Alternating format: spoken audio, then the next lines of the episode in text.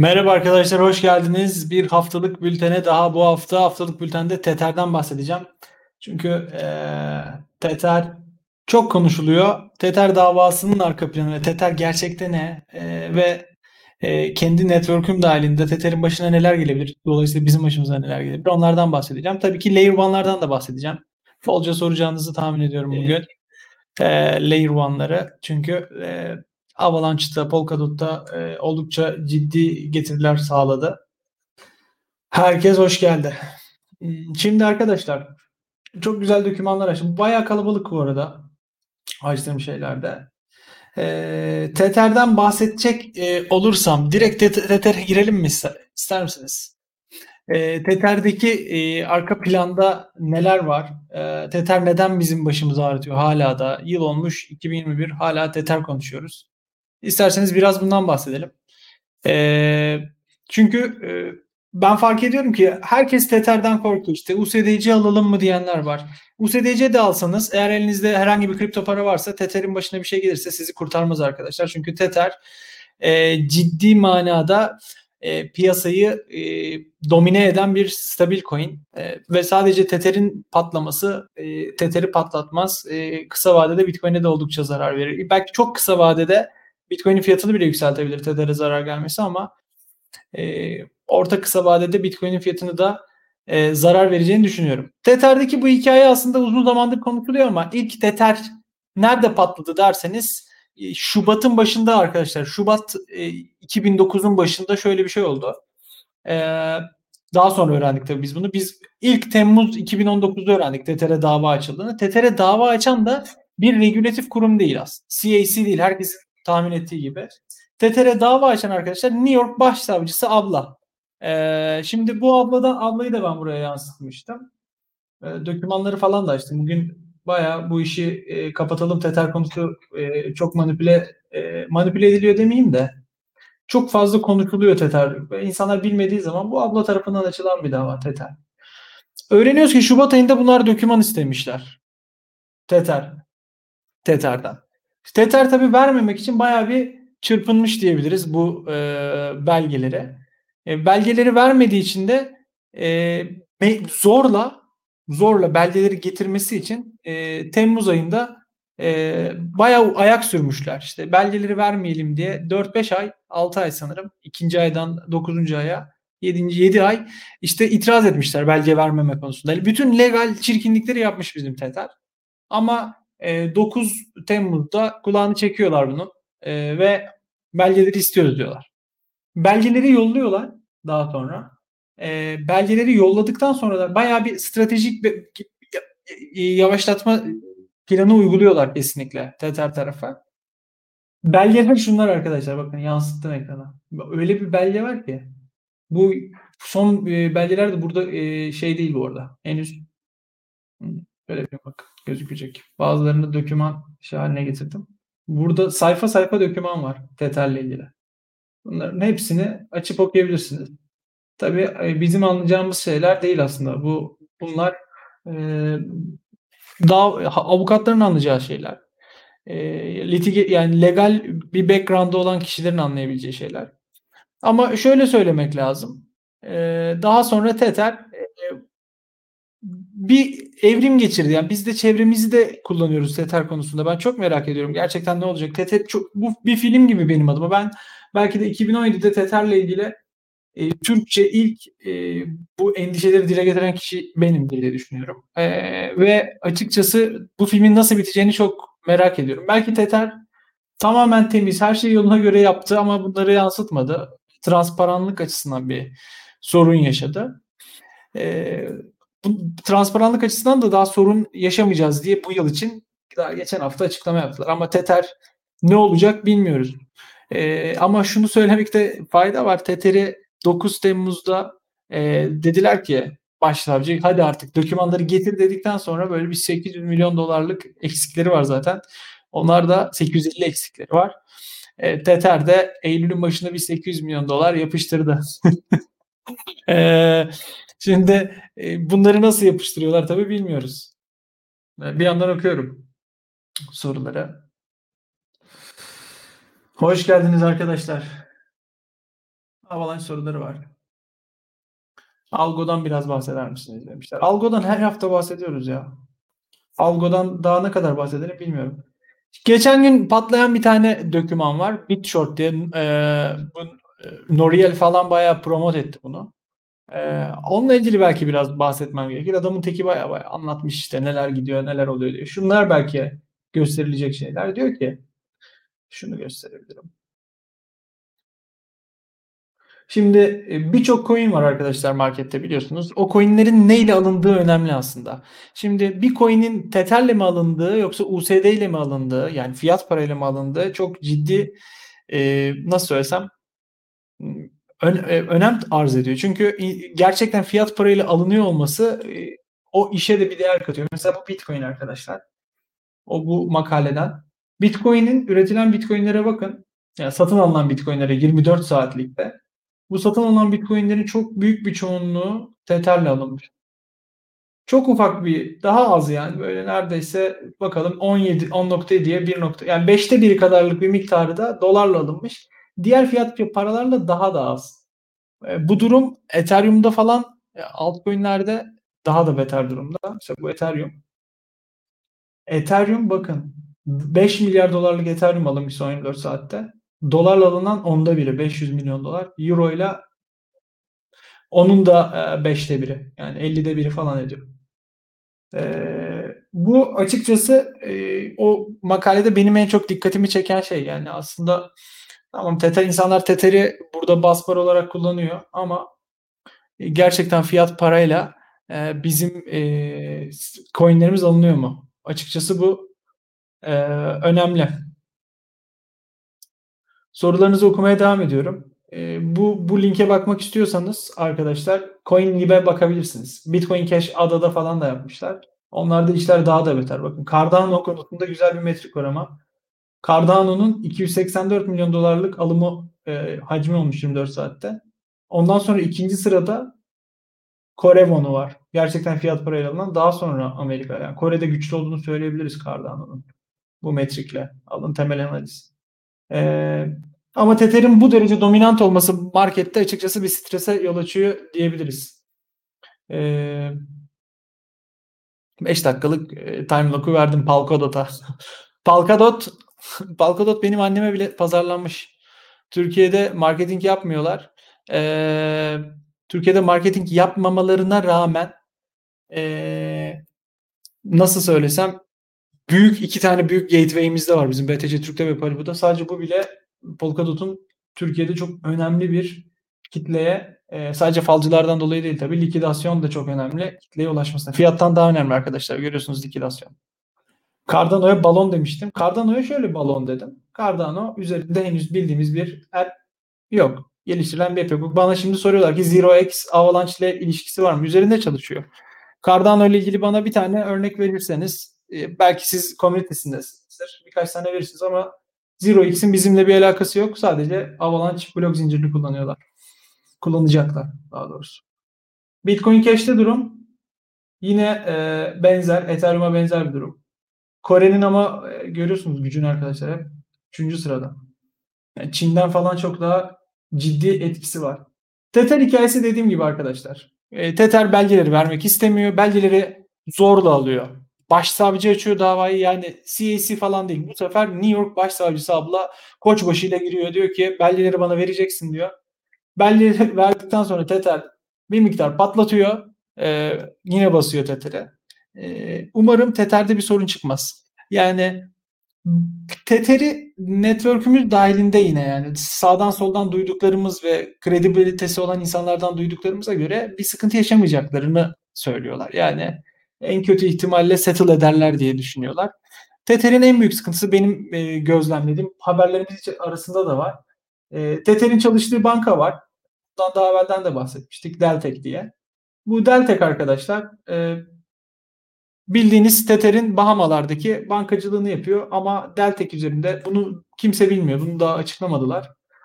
E, Tether'in hisseleri var arkadaşlar. Tether kendi bankacılığını da yapıyor. Bu da açıkçası denetleme mekanizmasını e, biraz soru işareti içerisine itiyor.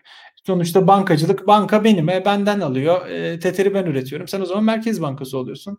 Auditler e, kendisinden çıkıyor. E, denetlemeyi de kendisi yapıyor. E, Deltek'in açıkçası e, içerisinde Tether'in hissesinin olmasının daha bunu açıklamıyorlar. Sorulduğu zaman bunu açıklamıyoruz diyorlar. Tether'in e, yatırım yaptığı şeyleri. Ama muhtemelen bu bankayı da satın aldı Tether. En büyük sıkıntı yaşayacakları nüans da muhtemelen Deltek içerisindeki hisselerinin olması olacak Tether'in. Tether, Tether'i geçtikten sonra madencilikle ilgili Spectra'ya bağlanacağız yine. Ee, Mina'dan da bahsederiz. Okuyorum soruları. Soruları okuyorum. AVAX yüzmeye başladı. BUS'de neden çok kullanılmıyor mu sizce? Bu arada deminki e, yayınladığım şeyde dokümanda şu vardı. Tetherlerle en çok ne alındığı ile alakalı arkadaşlar. Bakın, basılan teknik tetherlerle en çok alınan şey e, şöyle göstereyim. Tetherlerle en çok alınan şey Bitcoin. Ama Bitcoin ile en çok alınan şey Ethereum sonra Binance USD. Yani insanlar Tether'le Bitcoin alıp daha sonra Binance USD'ye geçebiliyorlar stablecoin'e. Bu da enteresan bir metrik. Görüyorsunuz yani. E, Tether'le alınan Bitcoin'lerin daha sonra Ethereum'a ve Binance USD'ye dönmesi, BUSD'ye dönmesi saçma bir şey. E, neden insanlar böyle bir şey yapıyor ki? Tether tutu da stablecoin değil mi? İşte oradaki nüans da şu. Binance USD Paxos'la çalışıyor. Onlar New York'ta onaylılar. New York arkadaşlar regülatif anlamda en ciddi, en katı e, eyaletlerden bir tanesi. En büyük sıkıntı e, her zaman e, New York'ta çıkıyor diyebiliriz. New York'ta lisans alan diğerlerinden bir şekilde alıyorlar. Bir yandan kapatıyorum açacaklarım. Bunları açmışım zaten. Dokümanların linkini atabilirim görmek isteyenlere arkadaşlar. Dokümanlar var.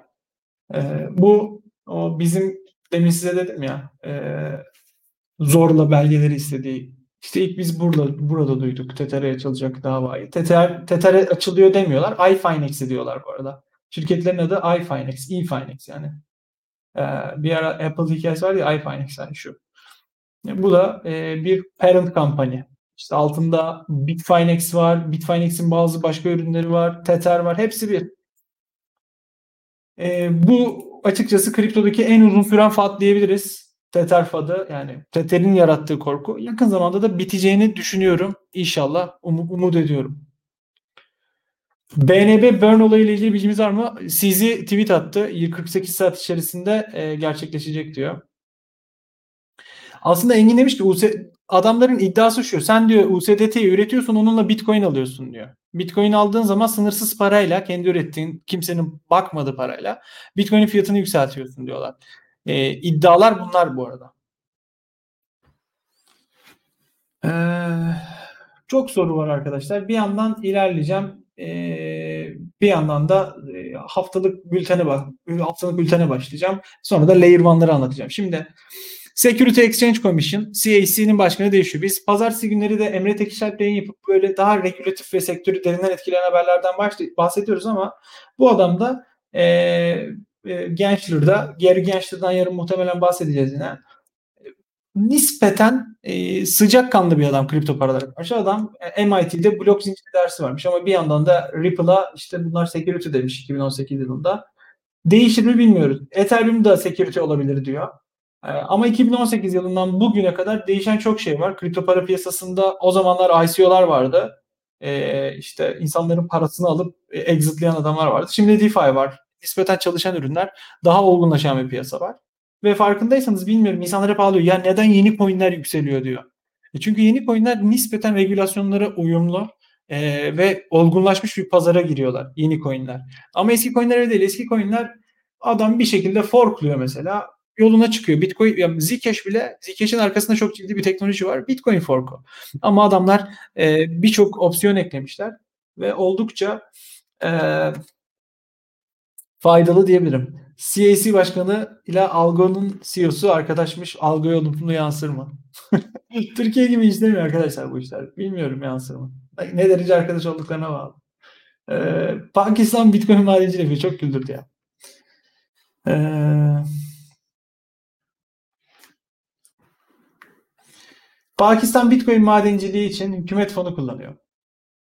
Ee, Pakistan'ın Bitcoin madenciliği yapması enteresan bir haber. Biz yapamıyoruz çünkü bizde su yok. Su olmadığı için dolayısıyla elektrik yok. Biz doğal gazdan elektrik üreten bir ülkeyiz. Ben çok isterim e, Türkiye'de de madencilik yapılmasını ama bunu muhtemelen Spectro'da bahsedecektir. Çünkü Çin'le ilgili de bazı haberler var. Madencilikle alakalı bir haberler var. Ripple'la ilgili 3-4 haber var. Ripple'ı ben çok seviyorum. Sorulara bir yandan bakıyorum arkadaşlar. Sorular, e, güzel sorular var. Çok enteresan sorular var arkadaşlar. Böyle spekülatif sorular var ve e, manalı sorular da var, manasız sorular da var. Devam ediyoruz. Mesela şöyle bir soru var. Okuduğunuz zaman kompleks geliyor. Diyor ki e, Avalanche'ın diyor büyümeye devam edecek data diyor ama son halini gerektiriyor sadece. Lightweight Avalanche konsensusu ve Avalanche platformu. Bütün blok zinciri barındırmanıza gerekmiyor yani öyle 4-5 GB'lık daglara gerek yok. Ondan dolayı OAG'yi de yanlış yazmış. Öyle bir durum söz konusu değil. Ee, okuyorum. Ee, Ethereum Bridge'den bahsediyorlar. Ee, Iconic'ten bahsedenler var. 2018'de Ripple'dan bahsedenler var. Şimdi arkadaşlar Ripple'a dönelim. Ripple'da çok Türk yatırımcı var. Ee, biliyorum. Ee, Grayscale'de biliyorsunuz bundan yarın da bahsedeceğiz e, Emre ile. Yani Grayscale çok ciddi bir fon.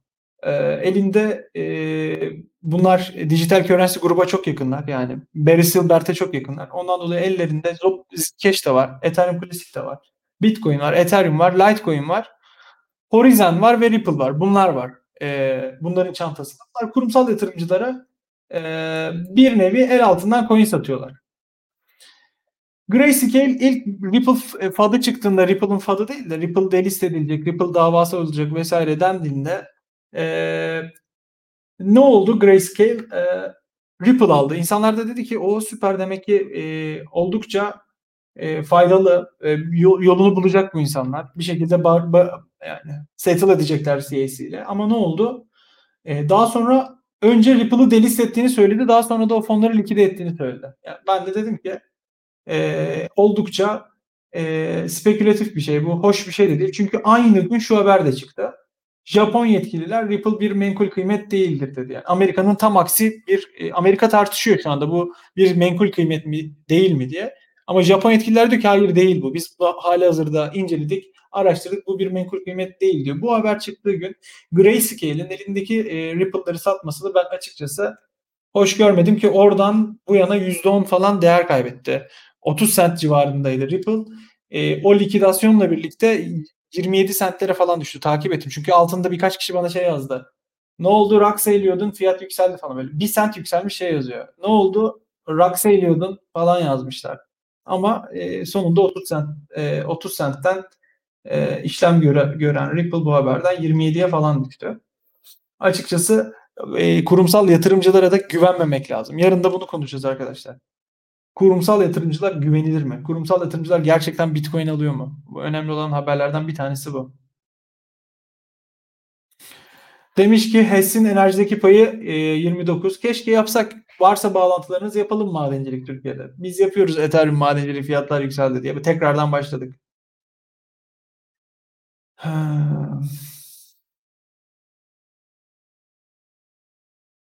Bayağı okuyorum soruları. İşte çokça avak sorusu var tabii ki de. Ee, NFT her hafta bir NFT haberi vereceğiz arkadaşlar. Animoca Brands bir NFT şirketi. Bunlar e, şey var. Send'in arkasındalar, Rev'in arkasındalar. Birden fazla NFT projeleri var. E, Binance'le e, bir partnerlik yapmışlar. NFT'leri nasıl gör, nasıl söylesem benim eski yayınlarımda takip edenler olmuştur böyle. Çok anlamsız NFT'ler var. Gerçekten. E, işte küvet suyu satan adam mı dersin, işte çıplak resmini satan kadın mı dersin birçok saçma sapan iş var NFT'lerde. Ama mantıklı böyle e-spor, oyun ya da sanat bizim anlamadığımız şeylerde kullanılacak diye düşünüyorum ben NFT'lerin. NFT'ler önemli.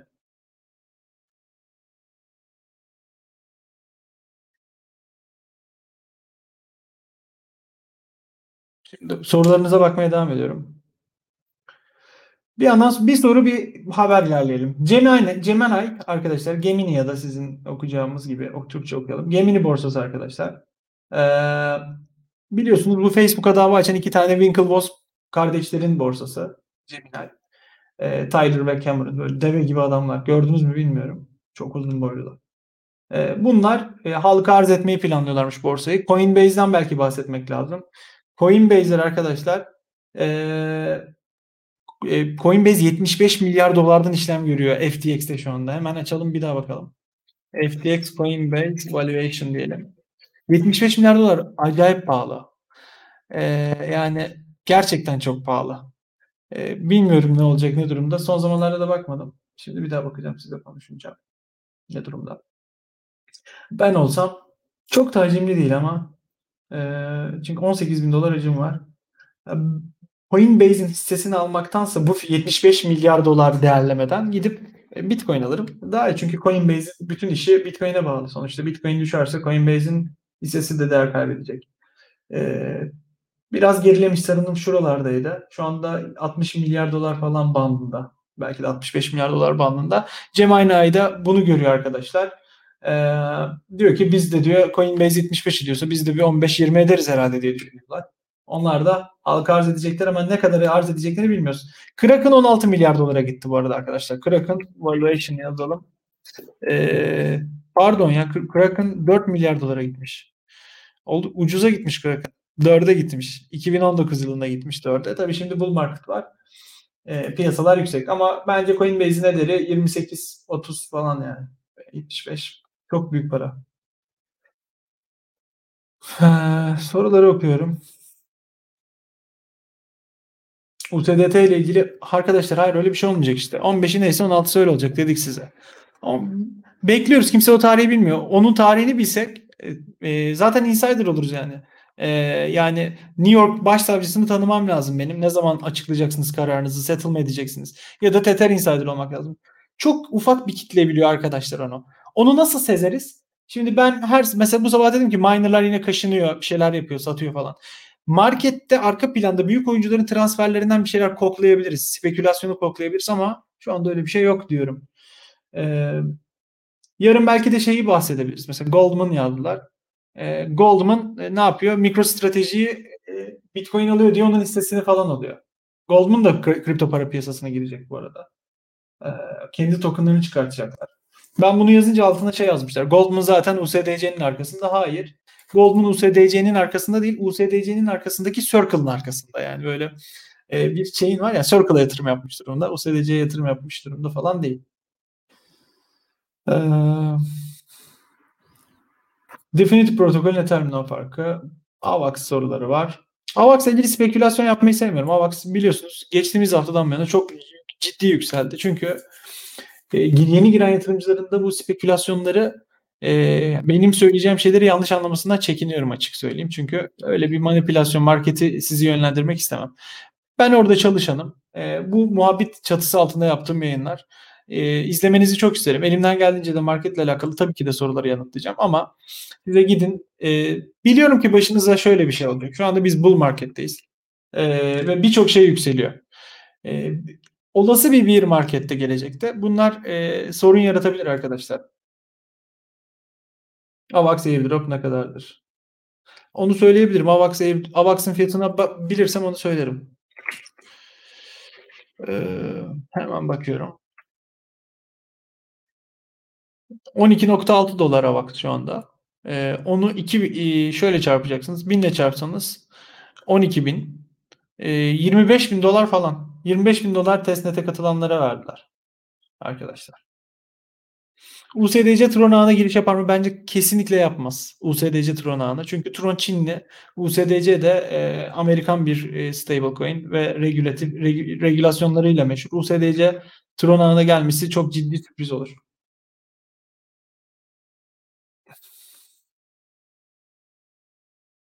Bundan bahsedelim.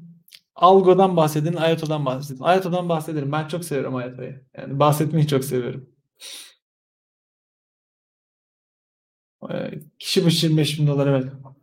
Coinbase'den transfer edilen mühendis ne işe yarayacak? yani arkadaşlar öyle bir öyle bir sorular var ki Avax'a Coinbase'den bir mühendis geldi. Adam ben sanki şeyini tutuyorum. Bugün ne yaptın? Hadi bakayım söyle. Bugün, ne, bugün benim için ne yaptın? Bilmiyorum ne yapacak arkadaşlar. Ben yazılımcı değilim. Yani onun patronu da değilim yani. Yazılım ne yaptın bakayım bugün neyi geliştirdin diyemiyorum. DAO Maker bir proje geliştiriyor onu bilmiyorum. Ee, testnet'e katılımcı arayan projeleri. Testnet'e katılımcı arayan ne var? Concordium var, Mina var. Mina'nınki bitti galiba. Mahf yazar şimdi izliyorsa. Ee, Concordium'unki vardı ama e, hala aktif mi takip edemedim. Truva atı gibi aldık adamı evet. Şimdi şöyle şimdi Ripple ile alakalı güzel bir haber vereyim size. Ripple'ın Amerika kapısı kalmadı yazdım geçen. Aslında tam doğruyu yansıtmıyor bu söylediğim. Çünkü Ripple'ın hala da böyle ufak borsalarda hem de regülasyonlarla içli dışlı borsalarla kapıları var. Anchorage arkadaşlar bir kripto bankası oldu. Bunlar kripto para borsasıydı ama Anchorage'de nasıl söylesem hiç hacim yok desem yeri Anchorage'de. E, ve listeli coinler de Anchorage'de böyle işte Ripple var içlerinde. Onu söyleyebilirim. Bu da size güzel bir haber olabilir. Hopper varmış diyorlar. Ee, Hopper varmış arkadaşlar. Bakın testnet'e. Concordium 4 başlayacak 20'sinde diyor. 4. testnet'e. Bunları kaçırmayın arkadaşlar. Bakın testnet 4 Concordium'da bir de Hopper. Test, bunları araştırın. Ben benim vaktim olsa ben yapardım gerçekten. Yani ciddi getiri sağlayabilirim. Merkez Bankası Başkanı Lagarde bunlar biraz geriden takip ediyorlar Amerika'yı ve Asya'yı, Avrupa. E, Bitcoin'i regüle etmeye çalışacağını iddia ediyor. Şimdi Bitcoin'i regüle edemezsin çünkü denediler diğerleri yapamadılar. Bitcoin'i bırakıp ne yaptılar? DeFi'ye çıkan kapıları, stable coin'leri ve bağımsız cüzdanları regüle etmeye çalışıyor. Şimdi şu anda Amerika Bitcoin işin Bitcoin'in ucu kaçtı tutamıyorum. Stable coin'leri tutalım diyorlar. Diğer yandan da e, Wallet'ları tutalım ki DeFi konusunda bir blokaj olsun. insanlar e, yatırım yapmasınlar. Ne yapmışlardı? Borsaları regüle ettiler. Zaten işte Bitfinex'i kovdular. Bitmex'in kulağını çektiler. Bir broker'ı kapattılar. BTC'yi kapattılar. Ee, e, Amerika regülasyonlar konusunda vergilendirmeyi de yaptılar doğru düzgün. En uç noktada bak bizde daha vergilendirme yok. İlk bize daha vergi gelecek. Birinci. Bizde daha yok adamlar vergilendirmeyi çözdüler. Borsaları çözdüler. E, ne yaptılar? E, Bitcoin'i regüle etmeyi denediler. Olmadı. Ama Avrupa daha Bitcoin aşamasında. Bazıları vergilendirme işini çözdü, bazıları çözemedi.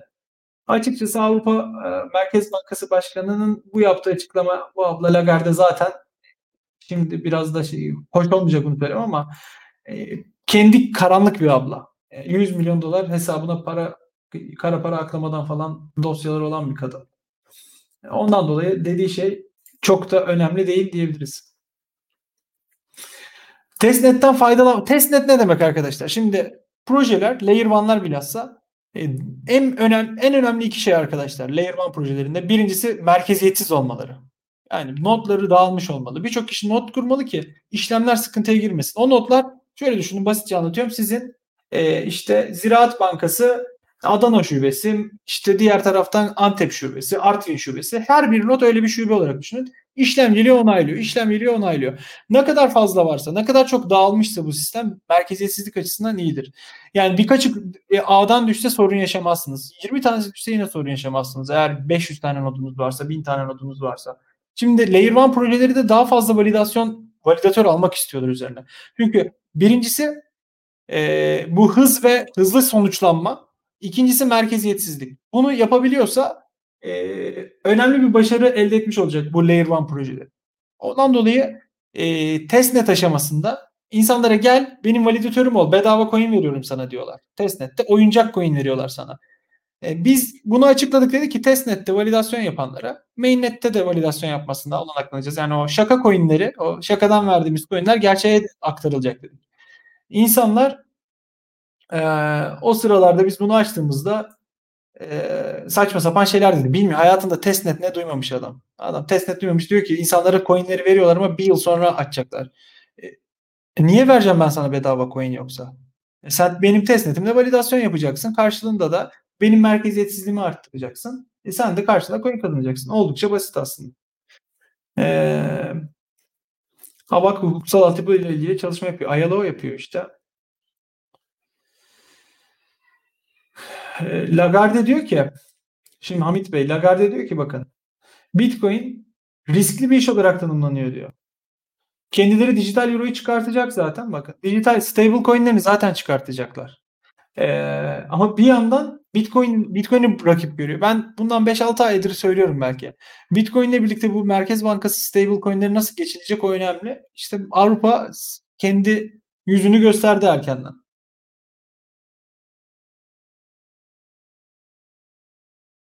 Diğer yandan arkadaşlar Gemini'den bahsettik, Coinbase'den bahsettik, Merkez Bankası'ndan bahsettik. Çin'le ilgili iki haber var. Bir tanesi Conflux'a 5 milyon dolar yatırım yapmışlar. Diğeri de arkadaşlar e, kendi e, altyapılarını çıkartıyor adamlar. Kendi layer'larını oluşturuyorlar. Blockchain projesi, BSN. E, Merkez Bankası için. Herhalde bu Tayvan falan bilmiyorum Çin'in siyasi durumuyla ilgileniyor musunuz ama böyle Hong Kong'tu Hong Kong'tu onları da işine alacağı bir ağ yaratmaya çalışıyorlar Merkez Bankası durumunda. Çünkü Tayvan biz diyor Çiniz. Çin diyor ki hayır biz Çiniz ve onlar bizim bir parçamız. E, garip bir durum söz konusu orada. Çin'le ilgili bu haberler önemli. Madenciliği, bunun madenciliği de var Complex'ın. Ondan Barış geldi Spectra. Bunu daha iyi anlatacaktır diye düşünüyorum. Yam soran var. Yam Yam benim en zarar ettiğim coin son zamanlarda. Elimde AVAX var tabii ki de. Ee, onun dışında e, Yam var ve NS, NSBT var. Yam'dan ağır zarardayım. Ee, ve Yam'ı tutuyorum ama. Umut vaat ediyor hiçbir ortada listelenmedi. E, ilk yemek coinlerinde sushi'nin atası falan ama fiyatlanmıyor yani. Yam ondan dolayı e, can sıkıyor yam. Yam var ama bende. V3 ile tamamen değişiyor. V3 zaten 3 5 aydır V3'te yam. Ee, bunun dışında sorularınıza bakıyorum. SDX'ten bahsedin diyor. SDX'i şilleyin diyor bana buraya yazmış arkadaş. %10-18 BTC. F, nedir SDX arkadaşlar? Ee, şöyle söyleyeyim. SDX maksimalist bir smart kontrat projesi. Bitcoin'i yani DeFi'yi aslında araklamak istiyorlar. Bitcoin'ciler bu arada. Blockstack'tekiler. E, smart kontratları var. E, mainnetini açtılar. İlk testneti bayağı sorunluydu. Kapat, erken kapatmak zorunda falan kaldılar. Stake ediyorsun kendi coin'ini sana bitcoin veriyor. Garip bir e, sistemi var. Unique ama en azından özgün bir sistemi var. Mart'ta açılacak. Bir yandan e, Layer 1'ları. Layer 1 coin'ler nelerdir sayabilir misiniz? Çok güzel. Layer 1'lar ne demek biliyor musunuz arkadaşlar? Şimdi bu birçok kişi bunu bilmiyor. Bunu iyi dinlemenizi e, ben e, çok isterim. Çünkü birçok kişi de bu e, nasıl söylesem literatüre hakim değiller. Şimdi layer ne demek? Tabaka demek layer. Bitcoin bir layer. Ethereum bir layer. Birçok layer var. Bitcoin ne yaptı? E, Satoshi'nin white paper'ında diyor ki Bitcoin peer-to-peer transfer aracı. Ama bir Bitcoin şu anda dijital altın. Yani bir transfer aracı olarak Bitcoin'i kullanmak yani günlük alışverişlerde mümkün değil. Orada büyük bir açık var dijital paralarda.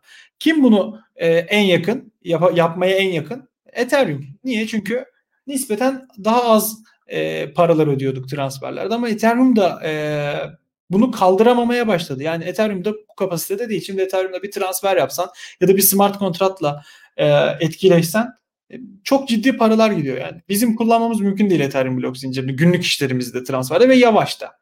Uzun sürüyor yani günlük işler için. Bitcoin'den hızlı ama e, genelde yavaş. Şimdi birçok insan diyor ki Bitcoin'de biz diyor günlük transferleri yaparız diyor. Nasıl yaparız diyor? Layer 2 ile diyor. Yani ikinci bir tabaka inşa ederiz diyor. Lazanya gibi düşünün. Bu ikinci tabakada işlemleri settle ederiz öyle blok zincirine yansıtırız diyor. Çeşitli modeller var. Lightning Network gibi aracı koyuyor vesaire. Mesela Bitcoin'de ikinci katman çalışmaları çok mantıklı. Çünkü Bitcoin bir store of value.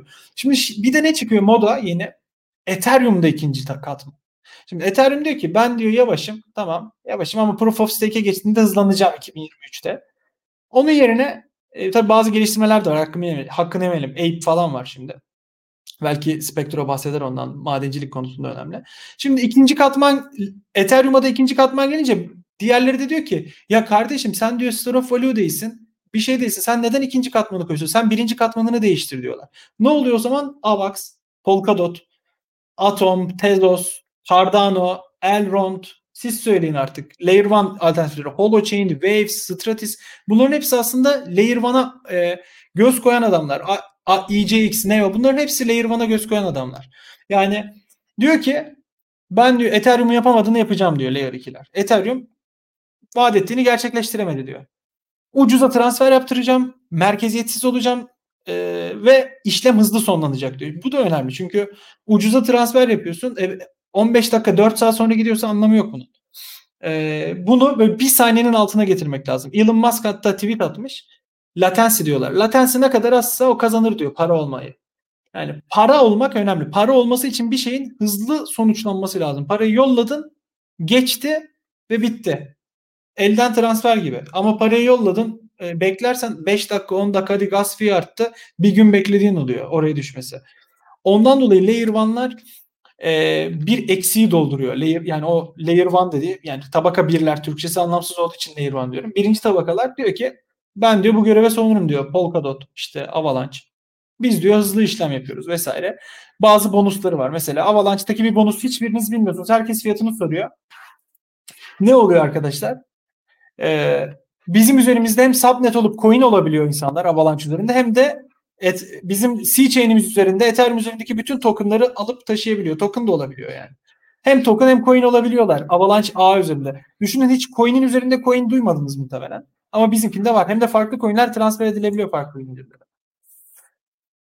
Ee, açıkçası e, Layer 1'ların hikayesi bu. Layer 1 bu arkadaşlar. Hepsi bu işi yapıyor. Hepsi aslında diyor ki ben diyor ucuza transfer yapacağım, para olacağım diyor. Transfer aracı olacağım diye kimse aslında store of value'ya yönelmiyor. Aslında store of value'ya da yönelilebilir. Mesela bizde transfer ücretleri uzun vadede yanıyor ve supply bir süre sonra azalacak.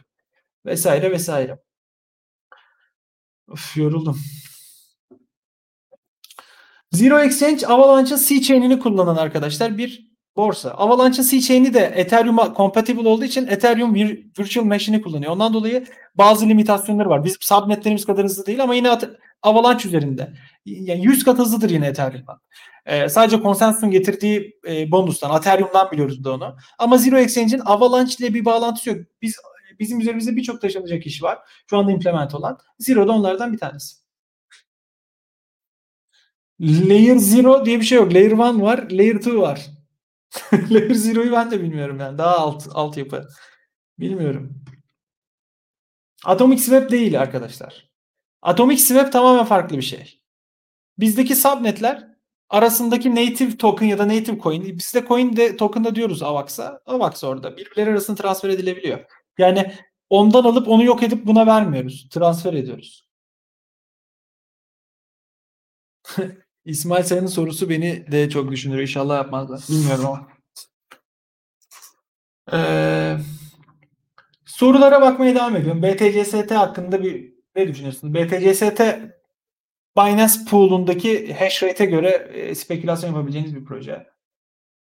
Başka proje bilmiyorum. Hash rate'in hash rate direkt satın alabilirsiniz arkadaşlar. Gidin NiceHash'ten hash rate satın alın. Onunla Bitcoin kazın aynı şey. Ee, NSBT nedir? NSBT'den bahsedeyim. Şuraya koymuştum zaten. NSBT arkadaşlar. Fiyatına bakalım. 13'e düşmüş.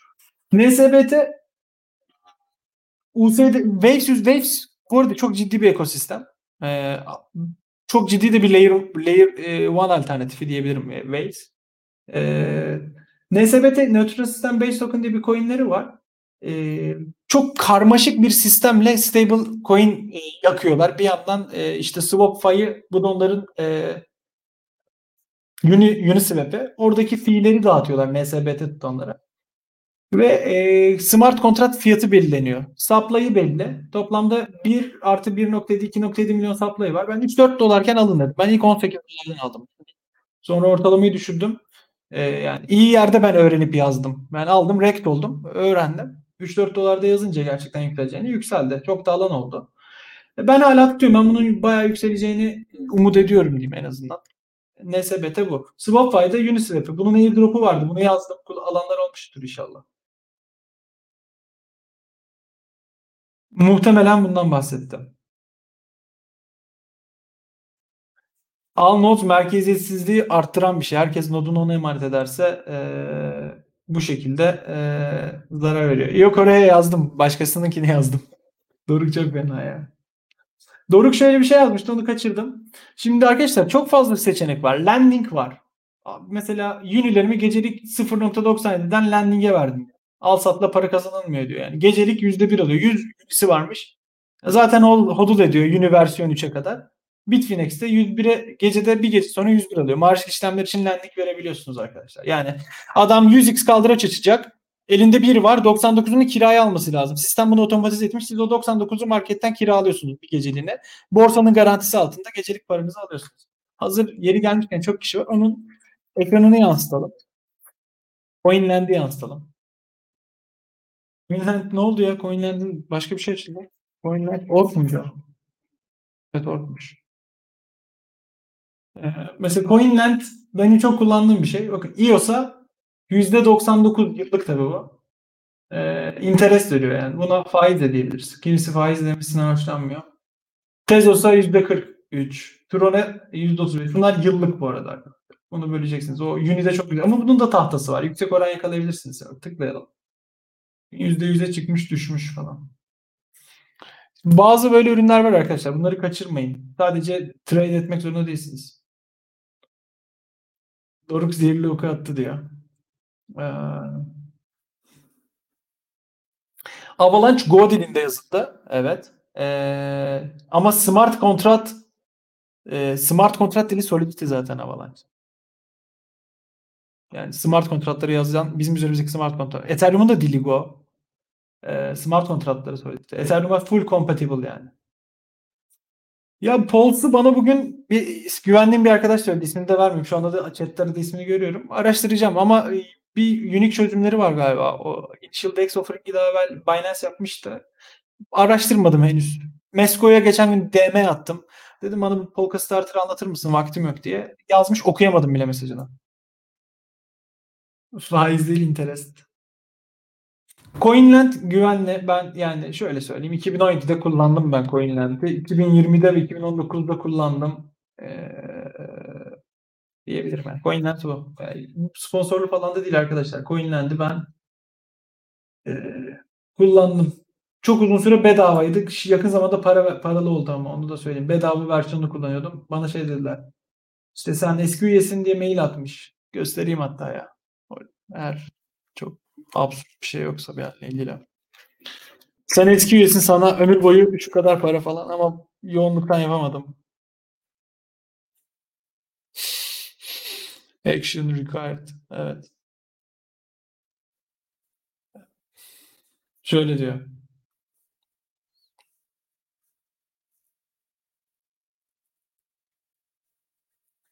filan vermiş. 3 dolara fixed fee verecekmiş bana ama ben kabul etmemişim. Coinland iyi bir iş arkadaşlar. Keşke öyle startuplarımız olsa. Ee, Celsius'la ilgili hiç düşünmüyorum. Celsius'la ilgili iyi şeyler düşünmüyorum. Celsius bilmiyorum ya. Konuşmayayım Celsius'la ilgili. Coinland nasıl çalışıyor? Oraya parayı paranı e, sen lending hesabına koyuyorsun. API izni veriyorsun. Sadece emir koyma izni veriyorsun e, o tahtada. O emir koyuyor.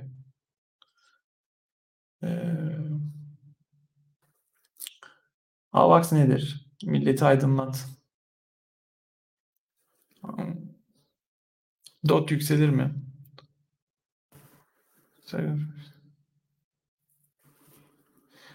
Çok güzel bir soru. mantaliteyi sormuş. Diyor ki sizi takip ettikten sonra fiyatı gereksiz önemsiyorsunuz. Teknoloji yani şöyle fiyatı çok bakarsanız çok ciddi karlardan mahrum kalabilirsiniz ama fiyat, bir de aynısının tam tersi de söz konusu. Ne zaman fiyata odaklanmanız gerektiğiyle alakalı yani. Bull markette e, yeterince kar alamamak bir markette sizi üzebilir. Yani bu markette karı iyi optimize etmek lazım. Yani. Aldı, al, aldığınız ürünü nerede sattığınız da çok önemli. Eee Concordium hakkında konuşsak. Waves Exchange USDT'ye %53 veriyor. Ciddi yıllık bu. Ciddi bir rakam. Lending ile ilgili ilgilenenlerle ilgili. Ama lending ile ben şöyle söyleyebilirim.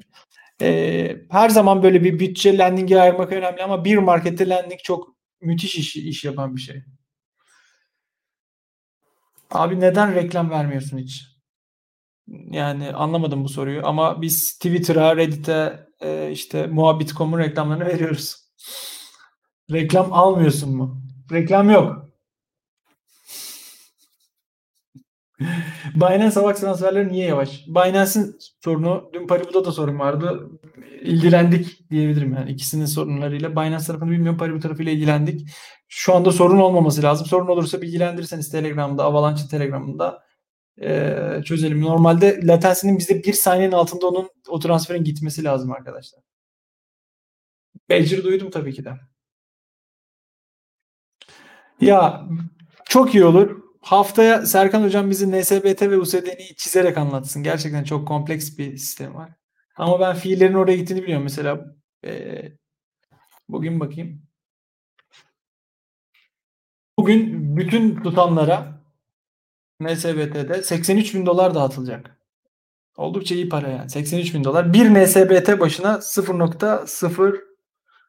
0.05 dolar gibi bir şey geliyor. 0.05 evet. Yani NSBT başına 5 sent. 100 NSBT varsa 5 dolar veriyor. Ee, ya bu arkadaş Avalanche ile ilgili video çekmek ist- istemiyorum. Çünkü art niyetli insan çok. Yani Şimdi biz bir tek ben bir teknoloji şirketinde çalışıyorum. İnanın fiyatına sizlerin yarısı kadar yani çeyreği kadar bakmıyorum. Ve adam bana diyecek ki bundan birkaç bir, birkaç hafta sonra bile bile diyen olabilir yani. Biz 13'ten aldık 12,5 oldu diye. Yani art niyetli insanlar Türkiye'ye pazarlanıyor vesaire diyecekler. Ondan dolayı ben e, bu konuda çok e, biraz şeyim gönülsüzüm diyebilirim buna.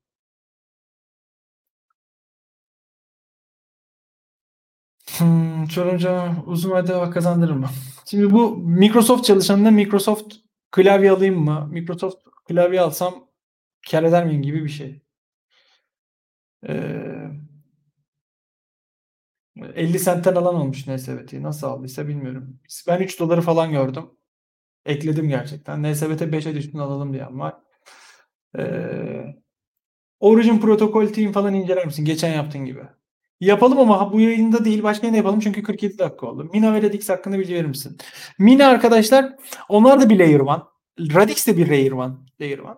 Mina çok legit yollar izliyor. Şimdi şimdi yeni bir coin değerlendirirken şuna bakacaksınız arkadaşlar. Bu adamlar ne yapıyor? E, mainnet'e çıkıyor, çıkıyorlar mı? Testnetleri ne alemde? Coin satıyorlar mı? Satıyorlarsa mainnetle mi satıyorlar? Mainnet'ten önce mi satıyorlar? Mina token satmayacağını söylüyor. E, Concordium da öyle onları böyle güzel bir konuma getiriyor bu regülasyon açısından. Ee, ama ne olacak bilmiyorum. Ee, belki son anda kararları kararlarını değiştirecekler. Orada da bir Türk var. Ben e, yarın yayın yapıyorum. Her hafta pazartesi günü e, oradan e, onların iş geliştirme müdürü yani direkt Vice Head of Business Development'la yayın yapıyoruz. O da bir Türk. Eski Coinbase ve Ripple çalışanı. Mina'yı onlara mı sorarız artık? Ne diyeyim? Ona mı sorun? Çok popüler oldu. Ben yazdım geçen gün. Bayağı soran oldu. Testnet oldu. Testnet hikayesiyle birlikte. Ee, Mina'nın testneti var ama Mina'nın testnetinin bittiğini söylüyorlar. Kapanmış. Şimdi bu çok güzel bir soru aslında. Ee, Polkadot ve Binance Smart Chain yeni fundraiser'in %19'undan pardon sadece Polkadot %19'undan sorumlu yeni ICO'ların. Çünkü adam Ethereum'da 100 dolarlık adamı atrak edemiyor artık. Ne yapıyor? Polkadot da bir sidechain. Polkadot'un smart kontratı yok henüz. Binance Smart Chain'i de bir sidechain. Orada fiiller zayıf. Adam yeni bir ICO yapıyor oradan. Ee, 100 dolarlık yatırımcıyı da çekiyor. Ama Ethereum'da 100 dolarlık yatırımcı 100 dolar da fee ödemek zorunda o parayı yollarken. Ondan dolayı BSC ve DOT temelli projeler yeni ICO'lardan bu işte Uniswap hikayelerindeki ICO'lardan çok e, ekmek yiyor diyebilirim. Yani network'teki büyük yoğunluk bu yeni ICO'lardan kaynaklanıyor. DOT ve BSC'nin üzerindekiler. Birader yaşlanmışsın diyor Jarvis. Yaşlandım. Doğru. Ee, Spectre buradaysa Spectre'yi alsak mı? Şöyle. Bir markette neden landing iş yapıyor?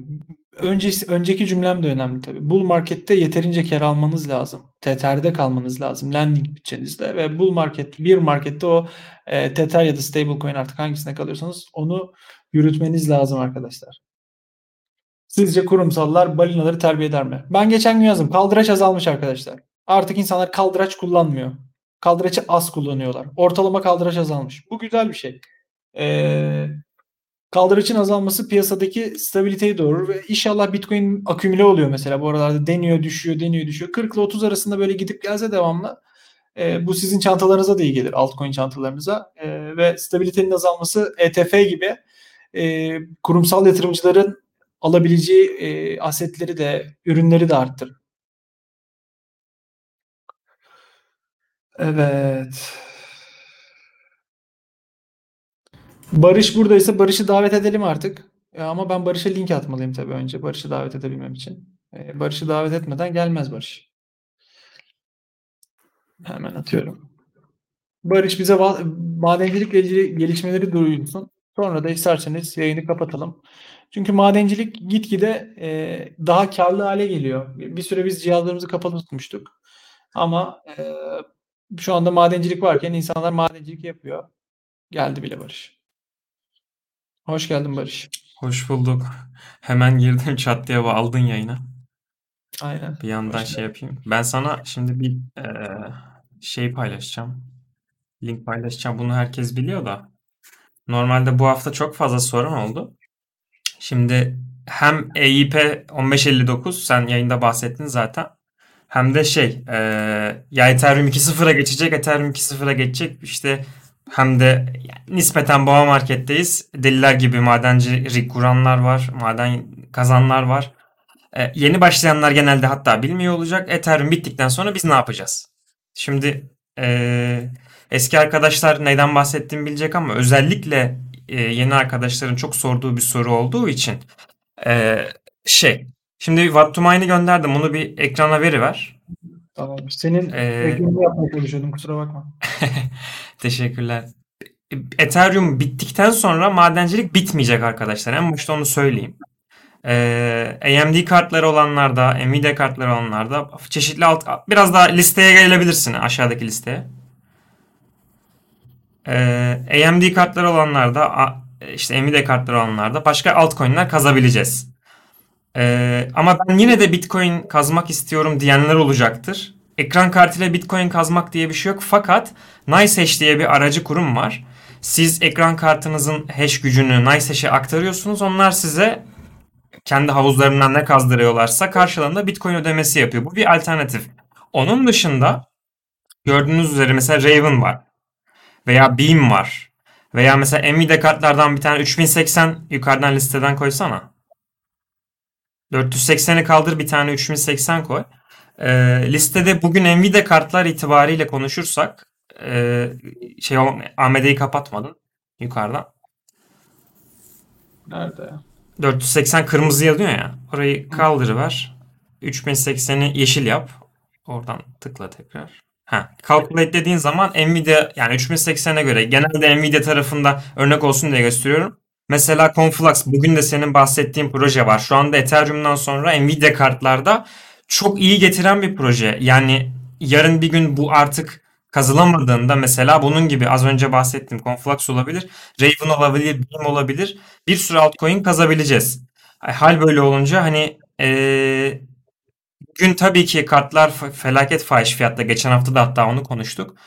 Ee, yatırımınızı yapacaksanız tabii ki ben hani hayır yapmayın engelleyeceğim falan gibi bir durum yok. Fakat e, yüksekten kart almak yerine genelde boğa marketi bittiği zaman biliyorsunuz ikinci elde kart bolluğu yaşanıyor. Zararına çalıştıramayanlar veya kapatanlar elden çıkartıyor ki 2017-2018 geçişinde biz dahil olmak üzere çok gördük bunu. Sen de ben de yaşadık.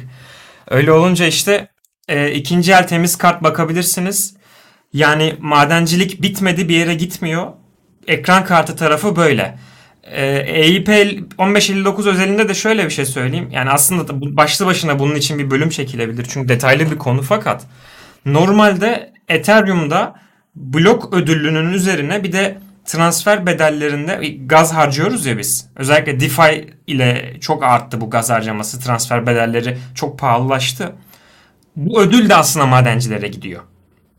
İşte bunun e, artık böyle olmaması, bir base fee getirilmesi ve hani transferlerin network yoğunluğuna göre eğer network yoğunluğu %50'nin üstündeyse base fee'nin arttırılması ama herkes için aynı transferler yine. %50'nin aşağısındaysa base fee'nin azaltılması ve böylece biz Metamask'ta bir işlem yaparken işte yavaş, orta, hızlı diyoruz ve ona göre para verip gönder gaz verip gönderiyoruz. Bunun ortadan kalkması anlamına geliyor ve bunun için kullanılacak olan ücret yani işlem bedeli yakılacak. Kimseye gitmeyecek ve böylece uzun vadede e, Ethereum birazcık e, enflasyonistten deflasyonist. Yani aslında bir noktada AVAX da böyle ama birebir oturmuyor. Sadece ben açıklamak için örnek verdim.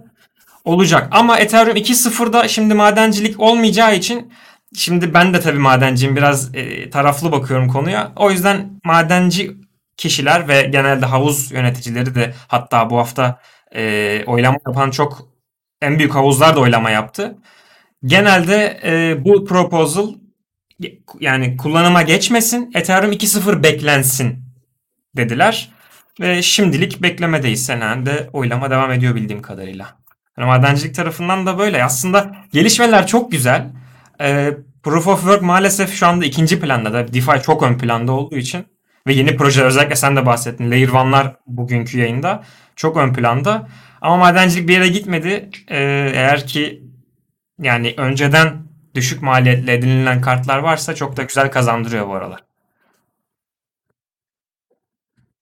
Çok uzun konuştum ben de biraz. Bazı sorular var.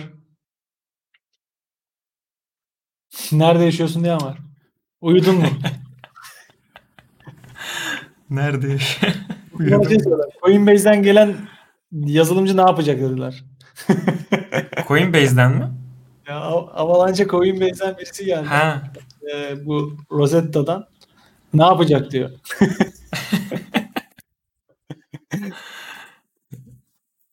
Valla sorulara bakıyorum. Ee, Bitcoin hash rate'ine notebook'la nasıl katılabiliriz? Ee, Miner Gate falan vardı. Miner Gate vardı ama hiç önermiyorum. Neredeyse eksi yazıyor elektrik tüketiminden dolayı. Aynen. Ee, genelde dizüstü bilgisayarlar pek bir şey bırakmıyor. Eksi, eksi yazıyor. Yani yapmanıza gerek yok. Onun yerine mesela şöyle bir şey yapabilirsiniz. Hash gücü kiralamak diye bir şey var. Cebinizde kart olmayabilir veya dediğim gibi bugünlerde çok fahiş fiyatlar kart almak istemeyebilirsiniz. Onun yerine hash gücü kiralayabilirsiniz. Mesela Mining Rig Rentals vardır. Sponsorlu değiliz ama hani paylaşmış olalım. İnsanlar hash gücünü aynen NiceHash gibi aslında da NiceHash'ten şöyle bir farkı var. E, kişilerle direkt muhatap halindesiniz. Yani mesela benim 6 tane RX 580'li bir rigim var. Ben onu kullanıma sunuyorum. Onların havuzuna e, API aracılığıyla bağlıyorum siz direkt benim rigimi kiralayıp yönlendiriyorsunuz. Yani belirli bir miktar hash kiraladım gibi değil aslında. Ne kiraladığınızı tam olarak biliyorsunuz. Ee, bu yapılabilir veya çok düz hesapla nice hash kiralanabilir. Ee, şu anda green madencilik yapmak karlı mı diye soran olmuş. Ee, az önceki Watt to Mine sitesini e, öneririm tekrar. Oradan girip hash rate'lerinizi veya hash rate'lerinizi bilmiyorsanız kart cinsinizi girerseniz elektrik maliyetiyle birlikte yaklaşık görebilirsiniz. Ama şu anda yine de e, Ethereum bir numarada yani en çok kar getiren coin şu anda o. Ee, şöyle bir soru var. Ha, ben şunu söyleyeyim ya Barış hazır geri gelmişken. Çok fazla konuşuluyor çünkü. Bana çok soran var ya. Benim çevremdeki insanlar çok kripto paraya yeniliyor zaten. Annemle ilgili de tweet attım. P diye bir şey soruyor. Mind P, P Network referans linkiyle. Cep telefonuyla yapacaklar. Ha, cep telefonuyla madencilik diye bir şey yok bu arada. Ee, dizüstü bilgisayarın olduğu gibi. Yani boşu boşuna pilinizi yersiniz. Boşu boşuna e, ömrünü kısaltırsınız cihazınızın. Eksi yazar yani. Birileri satacaklar. Ondan dolayı P mi uzak durun. Başıma bir şey gelirse Kesinlikle. De bulaşmanıza gerek yok. Bulurlar. Başıma bir şey gelirse suçlusu P'cilerdir. Çok fazla yaygın. ee, herkes ee öyle bir de şey kredibilitesi yüksek insanlar soruyor. Üniversiteden hoca soruyor. İşte şöyle Bu bir arada, coin... E, çok güzel. İsmail Emin çok güzel bir soru sormuş. İyi de neden bunu yapıyorlar madem kiralayan adam mining ile daha çok kazacak? Kiralayıcı neden kiralatıyor kendi kazmıyor? Bu çok güzel bir soru. Ee, bunu şu açıdan cevaplayayım. İlla büyük projeleri kazmak zorunda değilsiniz. Şimdi tabii 2018 yılında bir sürü küçük proje, madenci projesi yani Proof of Work projesi çıkmıştı. Şimdi bu nispeten daha az ama proje erken aşamadayken, zorluk düşükken, geçen hafta zorluğu anlatmıştım, yayın tekrarına bakabilirsiniz. Ee, zorluk düşükken çok miktarda hash'i bir anda kiralayıp o düşük maliyetten yani düşük zorluktan bir miktar zararına veya maliyetine de olsa o coin'i elde etmek için elimde 6 tane kart var ama benim 60 kart daha hash gücü kiralayıp parasını verip o zorlukta elde ettikten sonra hash kiralamasını bitiririm ve kenara koyarım. Çünkü eğer o network ya o blok zincirinin kullanacağını düşünüyorsanız ki Conflux'ta şu an o oluyor. Zorluk neredeyse yarım terahash'e yükseldi. Coinler değerlendiğinde sizin çok düşük maliyetten elde etmiş olacağınız coinler cebinizde olacak. Bu yüzden insanlar bazen kiralama yolunu tercih ediyor. Ki bunu 2018'de de yapmıştık. Pek karlı olmadı bizim için ama yanlış coin'e girdiğimiz için. Yani bunun adı spec mining aynen. Bir spec mining yapıp pool'la masternode kuruyorduk işte onun spec mining yapıp ama masternode adamlar günde bir 500 tane masternode coin çıkartıyordu. Aynen. Ondan sonra masternodlara kaydı. Şimdi işte artık proof of stake'e geçiyor gibi sistemler ama yani bakalım proof of work henüz bir yere gitmiyor. Ee, ortalama bir eşkil almak için maliyet ne olur? Kar, ne olur aylık olarak? Var mı cevabın? Ortalama bir hash kiralanmak için maliyet. Orada zaten şey var. Mining Rig Rentals de e, sayfada şeyi göstersene. Bu yani bir sürü hash ve bir sürü fiyat var. E, bunu kiralayan insanlar kendileri belirlediği için siz arasından seçim yapabiliyorsunuz. Yani ucuz da var, pahalısı da var. O hash gücüne göre biraz ekmek köfte hesabı. Yani minimum şu kadardır diye bir şey diyemem. O listede insanlar koyduğu kadarını kadarıyla ödeme istiyorlar yani. Birisi mod banlasanadım diyor. Anlamadım. Ne var konu? Ha, Avax madenciliği var mı diye spam yapan birisi var. Onu hem susturalım hem de ben ona cevap vereyim. Avax'ta madencilik yok.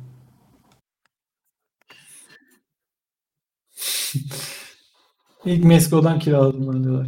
Doge madenciliği nasıl yapacağız? Doge'un neydi şeyi? Dogecoin'in şeyi? Algoritması. Ee, ASIC olması lazım ama ben de emin ne? değilim. Hemen bir kontrol edelim. Doge algoritm. Ee, Script ile yapılıyor. ASIC olması lazım aynen. Aynen.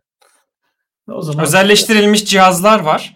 E, Doge madenciliğini öyle yapabilirsiniz. Fakat o cihazlar o madenciliğini yaptığınız algoritma artık bir şey yaramıyorsa veya kar getirmiyorsa başka hiçbir işinize yaramayacak cihazlar. İşte yukarıda Bitmain'in Antminer'ları en, en ünlü cihazlardandır.